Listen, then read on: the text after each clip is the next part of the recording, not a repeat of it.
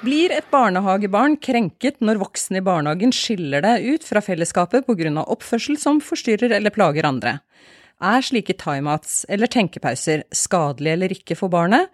Er dette egentlig en straff eller en skammekrok? Eller er det rett og slett et nyttig verktøy i en barnehage? Velkommen til lærerrommet, navnet mitt er Vigdis Alver. Og jeg heter Arun Gaars. Tenk deg at du er i en barnehageavdeling der uroen vokser fordi et av barna ikke greier å håndtere sine sterke følelser. Det er hyling og sparking eller annet som gjør både barn og voksne stressa. Og da er det ikke helt uvanlig å bruke timeout og ta barnet som forstyrrer et annet sted. En del barnehager kan bruke dette enten med støtte i ulike atferdsprogrammer, eller fordi det rett og slett blir oppfattet som den mest fornuftige tingen å gjøre der og da.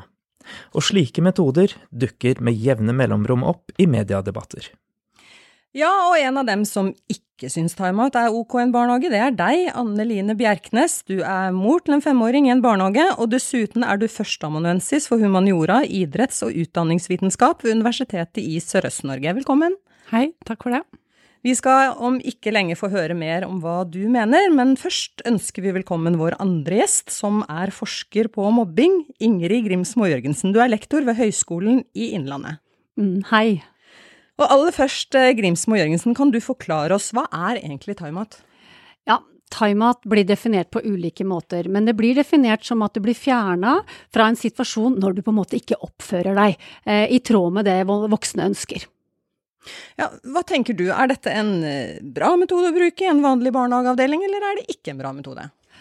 Altså, jeg tenker at det handler om hvordan du gjennomfører det. Det å ta barn ut av en situasjon, i trygge eh, og kjærlige relasjoner, og gi det det vi kaller reguleringsstøtte, det kan mange barn trenge. Men det handler om hvordan det blir gjort. Ja, og hvordan er det gjort når det er gærent? Ja, altså det handler om å gi barn merkelapper. Og blant annet også det her som vi har sett, da, at noen barnehager har en stol som du skal sitte på, eller en trapp. Og du blir satt i den trappa eller på den stolen, og de andre barna ser på deg som slem. Du har gjort noe som eh, gir en skamfølelse i barnet. Og da tenker vi at det er da ikke reguleringsstøtte som tilbys, men det er i form av at det er en straff. Barn opplever seg straffa. Ja, altså det er en straff og en krenkelse, mener du. Hva legger du mer i det? Ja, altså vi tenker at eh, det å gi barn det de trenger når de har sterke følelser er innmari viktig. For barns sosiale hjerne, det utvikler seg i nære relasjoner til trygge voksne. Og det å bli avvist eller ignorert, og kjent at en voksen sier til deg at følelsene dine er ikke viktige, altså du validerer ikke sterke følelser, og du avviser barnet ved å sette deg alene på en stol, der ligger krenkelsen. Barnet føler seg skamfullt, eh, skyldig, og det føler seg alene med, med, med de sterke følelsene sine. Mm. Anne Line Bjerknes, i sønnen din sin barnehage har du sett det du kaller krenkelser av andre barn, og dette har du blant annet skrevet et leserinnlegg om. Hva er det du har sett og reagert på?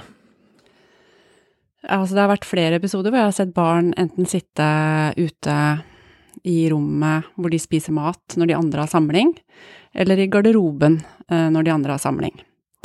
Og i begynnelsen så var jeg litt usikker på om det var det jeg så, men så så jeg at det gjentok seg med andre barn. Og til slutt så tenkte jeg nå skal jeg spørre det ene barnet eh, hvorfor det sitter her. For det, det, så også skamfullt ut, så det var noe med at jeg følte at det Jeg følte det ikke riktig. Og når jeg spurte da, så fikk jeg jo heller ikke svar, men sønnen min sa at eh, han sitter der fordi han er slem.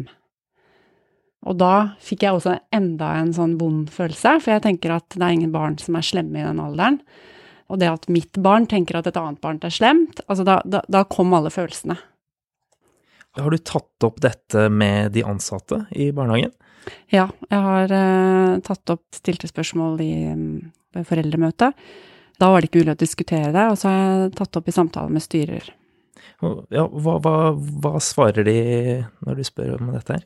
De eh, har sagt at de skal ta snakke om det mer eh, sånn i forhold til eh, ja, planleggingsdag, og ta det mer opp til diskusjon.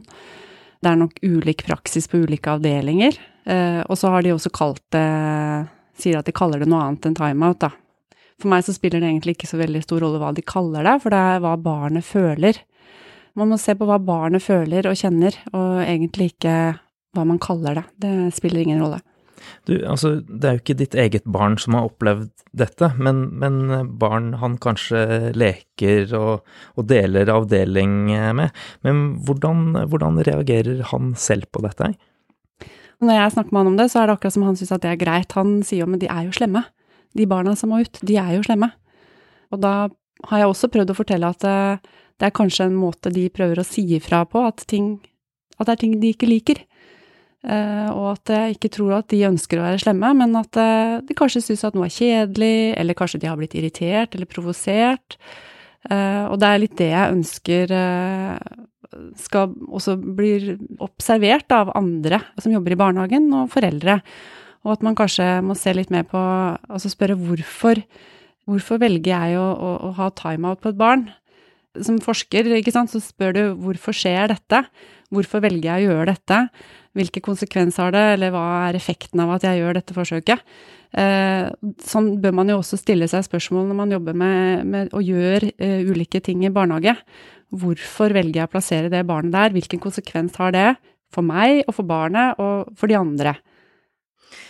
Ja, Grimsen og Jørgensen, hva tenker du at er konsekvensen av at barn sier at andre barn er slemme etter slike reaksjoner? Ja, en av de tingene vi vet forebygger mobbing og krenkelse mellom barn, det er å bygge et sånt gyldig godt vi. Det er å bygge et raust og godt fellesskap, hvor barn har forståelse for hverandres annerledeshet, og at man har ulike følelser, og det er naturlig, og at man ser at voksne møter de følelsene på en ålreit og trygg måte man ivaretar barna, og dermed modellerer den voksne at sånn skal vi være med hverandre når vi strever med følelser. Man skal altså møte følelser, vise trygghet og gi barnet, uh, gi barnet den, der, uh, den hjelpen, da. Og det, det her med hjelperelasjoner, det er jo innmari viktig at vi, at vi, på en måte bygger den kompetansen og kunnskapen hos barn. At det der at oi, nå ser jeg at et barn strever, og jeg lurer på hva jeg kan gjøre for å hjelpe. Og da snakker vi om empati ikke sant, i stedet for å si å, du er slem. Du, du, fortjener å sitte i skammekroken. Så dette er veldig relevant. Ja, du, jo, du forsker jo på mobbing, og ser du, du snakker jo nå om noe som kan utvikle seg i en mobbende retning. Og for å si det helt uh, veldig enkelt, lærer voksne bort en mobbende atferd med å løse situasjoner slik? Ja, altså vi, i min forskning da, så, jeg, så snur vi på det motsatte, men vi, vi, vi, vi, snakker om at voksne modellerer hvordan man skal være overfor et barn. Så i en gruppe av barn, hvis du får mye negativ feedback, altså at du får mye kjeft, irettesettelser, nei, Simen, nå må du sette deg ned, Simen, hør her nå, hør på meg nå, nei, nå må du sette deg ned, nå må du være rolig, og du får kontinuerlig tilbakemelding, så negativ negativ feedback, så er det noe som eh, de andre barna modellerer når de leker i båten sammen etterpå. Og det viser blant annet skoleforskning. Ja, jeg tenker òg at det har veldig mye å si det jeg vil at andre skal gjøre mot meg, det skal jeg gjøre mot dem. Og som voksen så, så ville jo ikke jeg likt at uh, sjefen min, altså la oss si at vi sitter i et personalmøte, og så sitter jeg tilfeldigvis og leser noen meldinger og gjør noe jeg ikke burde gjøre, og så sier sjefen, uh, rektor eller hva det nå enn er, uh, nå må, må du gå ut du må legge fra deg telefonen og PC her, så må du bare gå ut, for du holder på med ting du ikke skal gjøre. Hvordan ville jeg ha følt det i forhold til kolleger? Og relasjonen min til den sjefen, jeg tror jeg egentlig hadde hatt lyst til å slutte i jobben. Og jeg hadde i hvert fall ikke følt meg bekvem med å gå og spørre om lønnsforhøyelse. Eh, eller forhandling, ikke sant. Så det er noe med at jeg tenker, hvorfor skal barn eh, behandles på en helt annen måte enn voksne? Det er akkurat sånn som altså Inntil 1975 eh, så kunne man operere barn, spedbarn, uten smertestillende fordi man trodde at barn ikke kjente smerte. Og jeg tenker litt samme her. Er det sånn at man tror at barn ikke kjenner på de der følelsene som voksne kjenner?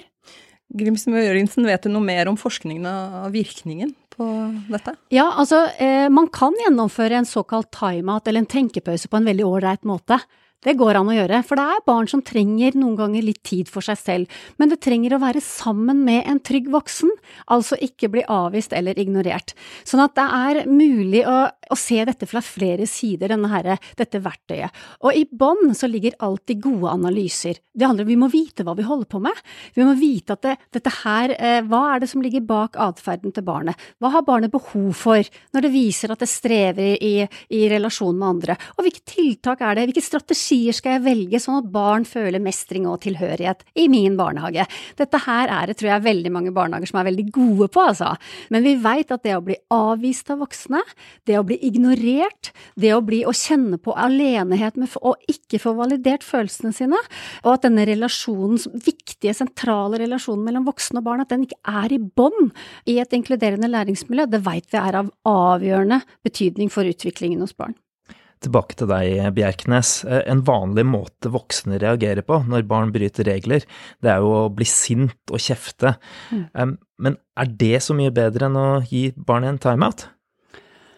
Uh, ingen av delene. Altså, det blir pest og kolera. Uh, så, så, man må jo Og selvfølgelig kan vi alle voksne gjøre feil. Jeg tenker alle foreldre og kjenner igjen det, at man har uh, eksplodert eller Ikke sant.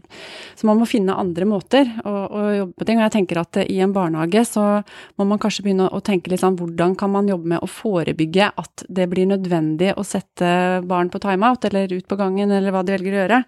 Og da har det noe med liksom den pedagogiske praksisen, altså hva gjør vi egentlig når vi har f.eks. samling, da, eller når vi har et måltid. Hvordan er måltidene våre? Er de tilrettelagt altså på barnas premisser, eller er det vi voksne som egentlig har premisser? Er det vi som ønsker at det skal være helt stille, og er det egentlig det barna har behov for? Og, det samme med samling. altså Forskning viser jo også at eh, barn som er mye ute, f.eks., leker og er mye ute i naturen i barnehagen, de har færre konflikter seg imellom og mellom de voksne. Og jeg tenker òg at uh, sånne andre typer pedagogiske prosjekter uh, som på en måte ikke går på det her, eh, den typiske, kanskje sånn litt gammeldagse holdningen til uh, hvordan man skal på en måte jobbe med barn, som er sånn litt autoritær, rett svar, en lukket samtale, da. Så får ikke barna heller anledning til å medvirke. Og ved å på en måte kanskje gi større anledning til den medvirkningen, så unngår man kanskje egentlig mye av den, de problemene, selv om man har jo selvfølgelig utfordringer eh, eh, innimellom. Men eh, dersom man ikke skal bruke noen sånne atferdskorrigerende grep, hva skal man da gjøre i sånne vanskelige urosituasjoner? Ja, jeg tror det kan være bra med å, å snakke, men det er klart at jeg ser utfordringen når det er mange barn, og, og at det er, er vanskelig å, å, snakke sammen. Men det er der jeg mener at man kan planlegge mye på forhånd da, for å unngå de situasjonene eh, i måten man eh, har det pedagogiske opplegget i barnehagen. Ja, Grimsmo Jørgensen, du bruker jo begrepet time in når barn trenger noe, når de er sinte og lei seg eller nekter å gjøre som de voksne sier. Og bare for å ha sagt det, dette er jo helt vanlige, dette er jo helt vanlige følelser for et mm. barn. Mm. Hva mener du med time in? Ja, altså jeg mener at vi, voksenrollen vi skal ha i møte med barn, og det ble veldig godt forklart der, altså at det, det handler om å være den autoritative voksne. Du skal være tydelig, eh, være, eh, og samtidig varm og konsekvent. Så det handler om å være der for barn og vise tydelig hva er det jeg forventer av deg, eh, samtidig med at jeg gir deg den omsorgen og den kjærligheten eh, som du trenger. Og time in, det betyr at eh, når barn strever med sterke følelser, så trenger de å bruke deg som en ladestasjon. Hvis du ser på deg selv som en sånn mobillader, så kan du se for deg at barnet begynner å gå tomt for strøm, og, og så begynner følelsene å koke. Og det begynner å komme masse på utsida som vi ikke liker. Barnet begynner å kaste ting, gråte, nekte å kle på seg og etter hvert eh, så kan det skje andre ting også. Så er det noe med å lese da situasjonen. Hva trenger barna deg da? Jo, det trenger kanskje ro, trenger et fang, og det trenger en tydelig hånd som sier nei.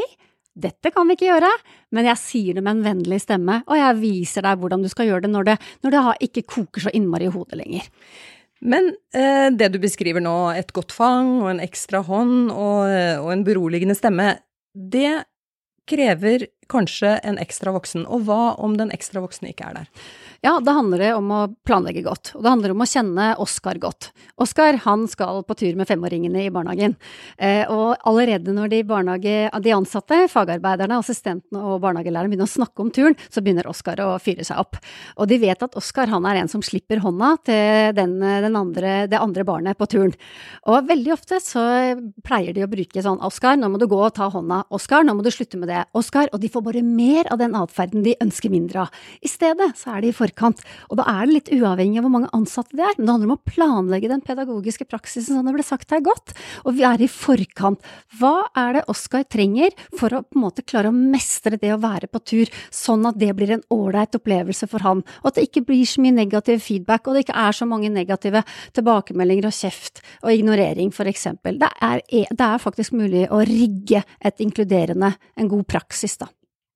Så tror jeg og kompetansen til de ansatte i barnehagen, altså nå er det ca. 50 av, eh, av de ansatte i barnehagen som er barnehagelærere. Så er det jo noen som er eh, fagarbeidere med, med annen bakgrunn, men det er ganske mange ufaglærte i barnehagen. Jeg tenker at det er viktig å løfte kompetansen der. For å øke kunnskap om sånne type ja, hendelser. Men, men Grimsom Jørgensen, litt eh, tilbake igjen til timeout for barnets del. Er det verst å bli tatt ut av eller oversett i fellesskapet? Er det det som er mest problematisk, eller er det mest problematisk å overlate barnet til seg selv i den situasjonen?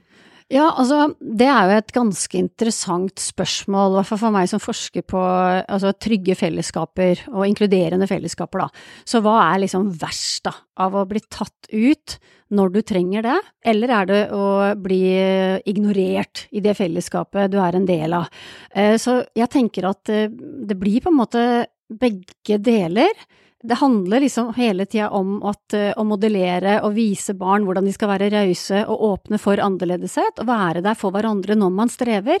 Og da gjør man jo, og modellerer man jo det beste når man er sammen. Når man skal ha samlingsstund, når man skal spise sammen. Men så er det noen ganger også man da må ta barnet ut.